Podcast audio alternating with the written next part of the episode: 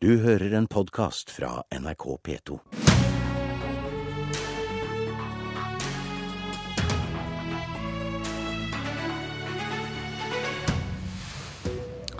Hvor langt kan Nato gå for å beskytte Ukraina før det blir risikabelt?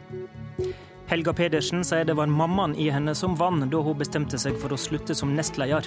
Er det hele sanninga? Velkommen til Politisk kvarter fredag, og god morgen, Helga Pedersen. God morgen, god morgen. I går kunngjorde du at du ikke tar attval som nestleder i Arbeiderpartiet på landsmøtet til våren. Hvorfor har du tatt det valget? Det er fordi at de elleve siste årene så har jeg vært politiker på fulltid. Og i løpet av de årene så har jeg også fått to barn, som i dag er tre og sju år. Og nå har jeg fylt 40 og kommet til et punkt der jeg har behov for å frigjøre i første omgang flere helger og flere kvelder for å være sammen med barna mine. Jeg vet at barndommen går veldig fort, og da har jeg lyst til å få med meg mer av den. Er det umulig å kombinere rolla som mor med de aller høyeste politiske vervene? Nei, det er det ikke. Og jeg har jo levd med det nå gjennom sju år, både politikk og familieliv, og det er absolutt mulig å kombinere. Det skal jeg jo også fortsette å gjøre. Jeg skal jo fortsette som parlamentarisk nestleder og sitte på Stortinget og skjøtte mine øvrige verv i Arbeiderpartiet. Men jeg har behov for en litt annen balanse. Jeg og familien min går inn i en ny fase, og da må jeg avveie også vervene mine for øvrig opp mot det. Har du vurdert hva slags signal det gir da, at du trekker deg tilbake fra politikken og prioriterer familie? Nei, det har jeg absolutt ikke tenkt over. Og det her betyr jo heller ikke at jeg trekker meg tilbake fra politikken. Jeg skal i aller høyeste grad fortsette med politikk. Og jeg mener det er veldig viktig å si til både unge kvinner og menn at det er mulig å kombinere politisk arbeid med familieliv. Og jeg vil jo særlig oppfordre nå mennesker som kanskje vurderer å stille til lokalvalget neste år, og si til dem at det er utrolig spennende muligheter i politikken. Det er veldig viktig at småbarnsforeldre er med og påvirker samfunnet, som kan gjøre det mulig for mange flere å kombinere eh, spennende arbeidsoppgaver med det å ha omsorg for små barn. Men motivasjon er jo gjerne sammensett av flere ting. Eh, kunne du ha fortsatt i din posisjon om du opplevde at ledervervet i Arbeiderpartiet faktisk var innen rekkevidde? Jeg har aldri jakta på ledervervet i Arbeiderpartiet. Det at vi har fått ny partileder, har absolutt ikke hatt noe med denne beslutninga å gjøre. Dette var noe som jeg og mannen min begynte å diskutere før landsmøtet i fjor, og ble gjenvalgt som nestleder. Og Jeg må jo også benytte anledninga til å si at jeg samarbeider veldig godt med Jonas Gahr Støre. Han er en inspirerende leder og kollega, og jeg gleder meg veldig til å jobbe tett sammen med han også i fortsettelsen. Det er nettopp blitt ny leder i partiet. Nå skal du slutte, og mange tror partisekretær Raymond Johansen kommer til å kaste seg inn i Oslo-politikken. Det blir ei total utskifting av Ap-ledelsen. Hva slags nestleder trenger Arbeiderpartiet nå? Jeg mener det er viktig at partiledelsen er sammensatt på en sånn måte at våre medlemmer kjenner seg igjen i dem. At partiledelsen representerer bredden i partiet. Um, og det betyr jo bl.a. at man må ha en partiledelse som, med en spredt geografisk bakgrunn. Uh, og, og, også at by- og land-dimensjonen er, er, ivaretatt i partiets øverste ledelse. Når Støre er fra Oslo, partisekretær inntil videre iallfall, Raymond Hansen er fra Oslo, kan partiet da velge en nestleder som også representerer Oslo? Jeg tror ikke jeg skal kaste meg inn og verken foreslå navn eller, eller fraråde navn. Det skal vi ha en demokratisk prosess på i partiorganisasjonen. Og Nå er det et halvt år til landsmøtet, og jeg mener det er veldig viktig at partimedlemmene våre, partilag og fylkeslag får mulighet til på bredt grunnlag å diskutere hvordan partiledelsen skal sammensettes i fremtida. Jeg spør jo fordi den mest nevnte kandidaten, Hadia Tajik, representerer Oslo. Men kan en si at Hadia Tajik representerer noe, noe utover bare Oslo? Jeg kommer ikke til å kommentere enkeltpersoner. Det vil være forakt for partiorganisasjonen. Og jeg er veldig opptatt av at partidemokratiet skal få lov til å gjøre jobben sin før landsmøtet neste år. Da vender vi oss til de som kan kommentere enkeltnavn. Trine Eilertsen, politisk redaktør i Aftenposten. Hva slags Oslo-problem kan Arbeiderpartiet få? Det er, jo, eh, det er jo, beskrevet, eh, som du gjorde i sted, med Raymond Johansen som, eh, som, partisekretær. Eh, sitter der nå. Og hvis eh, han ikke si, flytter seg og finner ut at han skal gjøre noe annet, så er det veldig vanskelig for, for, eh, for partiet å løfte frem Haja Tajik i den rollen. Alle vi eh, som kjenner norske dialekter, hører at hun opprinnelig ikke er fra Oslo, men fra Rogaland. Men eh, hvis du ser på, på Formalia og på hvor hun har sitt, eh, sin politiske base nå, så er det jo i Oslo, det også. Så Støre kan bli nødt til å velge bort enten Raymond Johansen eller Tajik?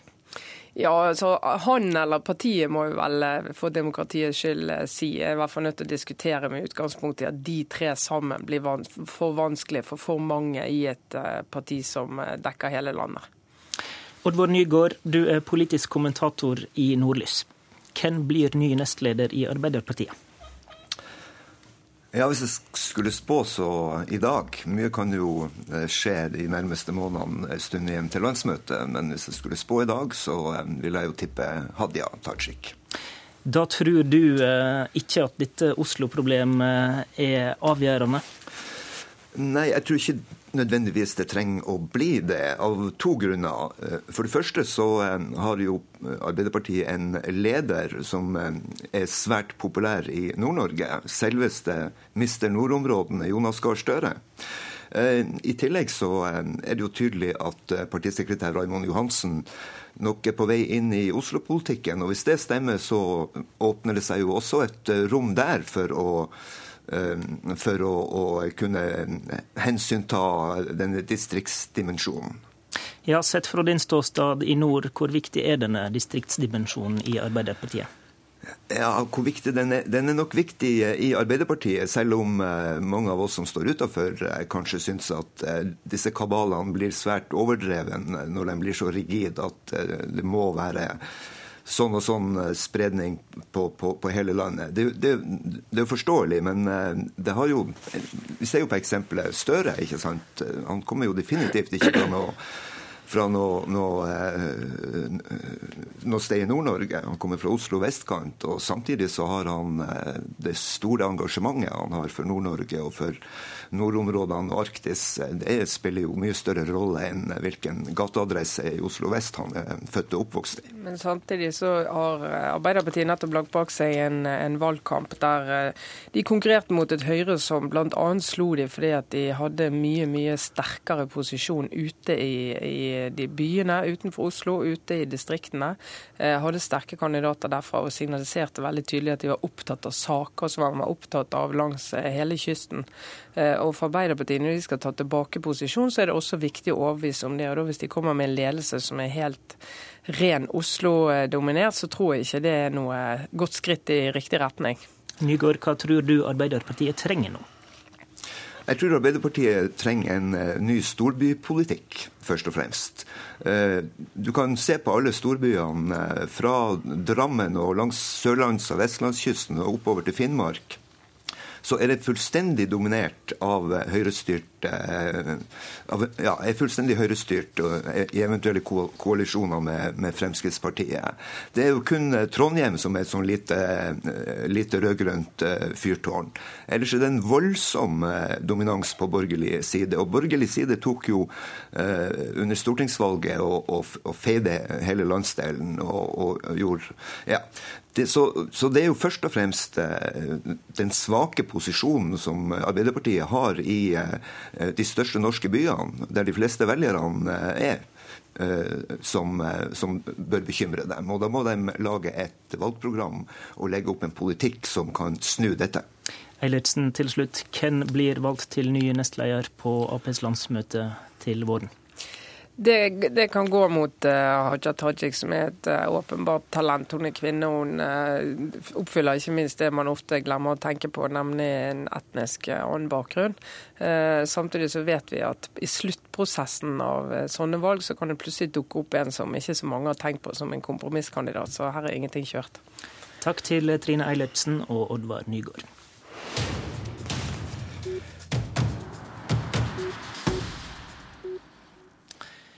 Vi vender oss eh, også i dag til Nato-toppmøtet i Wales, der du er statsminister eh, Erna Solberg. Nyheter fra det siste døgnet er at Norge skal delta i Natos hurtigreaksjonsstyrke. Vi skal være med på å øve i de baltiske landene. Og vi tar en lederrolle i et Nato-fond som skal hjelpe Ukraina med å modernisere og effektivisere Forsvaret. Er dette tiltak som kan bidra til å dempe russisk aggresjon, Erna Solberg? For det første så er det bare russerne som kan dempe russisk aggresjon. Eh, ingen av disse tiltakene bidrar til å øke eh, spenningen. Men det bidrar bl.a. når det gjelder deltakelsen i Baltikum, til at eh, vi eh, sørger for de forsikringene som de Nato-landene i øst som har opplevd aggresjon, som også er aggressiv mot de, at de føler en forsterket trygghet i at eh, Nato-landene står bak forpliktelsene i alliansen. Eh, så er det sånn at eh, det er viktig å fortsette det arbeidet vi har gjort overfor Ukraina lenge. Det er ikke noe nytt at vi jobber med forsvarsreform i Ukraina. Det vil være rart å stoppe en del av de aktivitetene som normalt går. Du var i middag i går kveld og hadde samtaler med statsledere i andre Nato-land. Diskuterer dere om det er en fare eh, ved å på en måte kunne bidra til at situasjonen eskalerer? Eh, jeg mener jo at uh, dette er en helt feil måte å tenke på for øyeblikket. For det er ingenting i de tiltakene som, som gjøres fra Natos side som akselererer.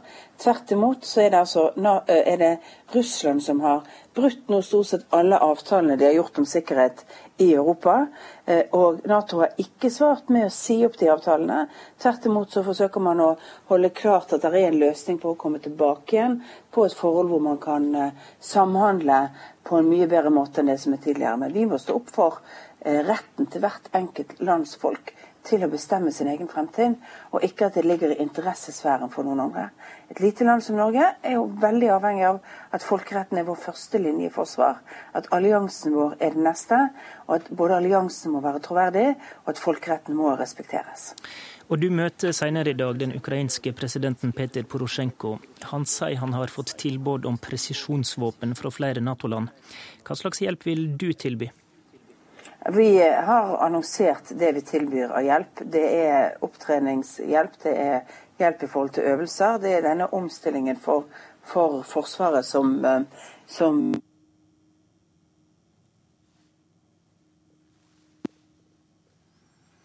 Der fikk vi eh, litt problem med lyden til statsminister Erna Solberg, som er på Nato-toppmøte i Wales. Vi skal se eh, om vi får kontakt ja, igjen. Ja, der er jeg tilbake, tror jeg. Og Hallo? Eh, det vi lurer på, Solberg, er hvor tenker du at grensa går for hvordan Nato kan eh, hjelpe Ukraina?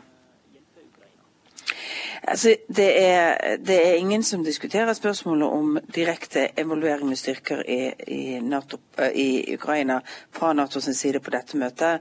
Det tror jeg også vil være en uh, veldig vanskelig situasjon. Det kommer ikke eh, Nato-soldater på ukrainsk jord? Nei, altså, og, og, det er ikke en diskusjon her borte. Eh, men det er viktig å si at vi har en forpliktelse til å, å, sørge for at Ukraina er best mulig selv rustet til å håndtere situasjonen. Men svaret er ikke militært for å finne løsningen. Det er svaret på denne situasjonen vi er oppe i nå. Det er politisk. Porosjenko han håper på ukrainsk Nato-medlemskap. Obama har sagt at Nato-døra eh, står åpen for nye medlemmer. Hva vil du si til Porosjenko om dette? Altså Jeg mener Nato skal stå fast ved det vi har sagt på tidligere møter, at en gang langt frem så vil det være en mulighet. Men det er ikke en reell eh, diskusjon nå. For det første har fortsatt Ukraina eh, egne lover om å være et nøytralt land. Eh, og det er mye som må til både i den sikkerhetssituasjonen rundt Ukraina og i Ukraina før de er et aktuelt medlemskapsland. Takk til deg, Erna Solberg, på Nato-toppmøtet i Wales. Politisk kvarter i dag var ved Håvard Grønli.